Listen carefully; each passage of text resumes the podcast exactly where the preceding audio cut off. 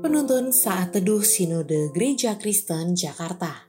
Sabtu 18 Juni 2022 Judul Renungan Dalam namanya ada pengharapan.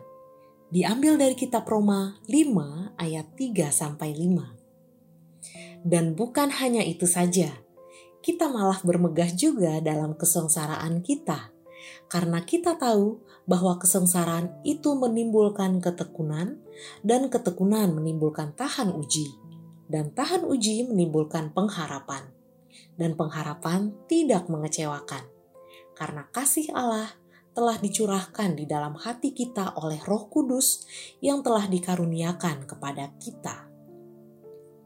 Pengharapan menjadi kata yang tidak asing bagi setiap kita Apalagi dalam dua tahun terakhir ini ketika pandemi COVID-19 hadir di dunia.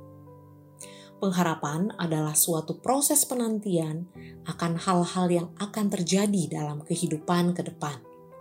Pastinya, setiap kita selalu mengharapkan yang terbaik dalam hidup kita. Bahagia, diberkati, panjang umur, dan banyak harapan lain yang kita inginkan. Namun pada kenyataannya, tidaklah selalu demikian.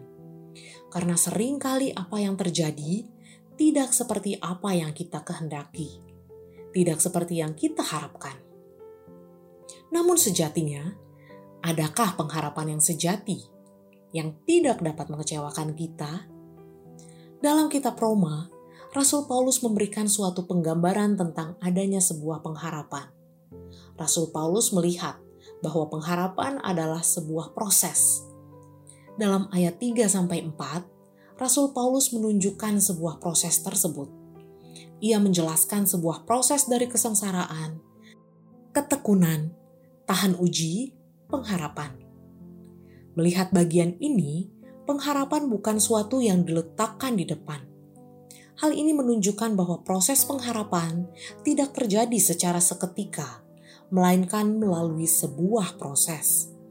Proses ini menjadikan pengharapan umat Allah begitu berarti. Pengharapan bukan menjadi sesuatu yang kabur, tetapi menjadi pengharapan yang pasti.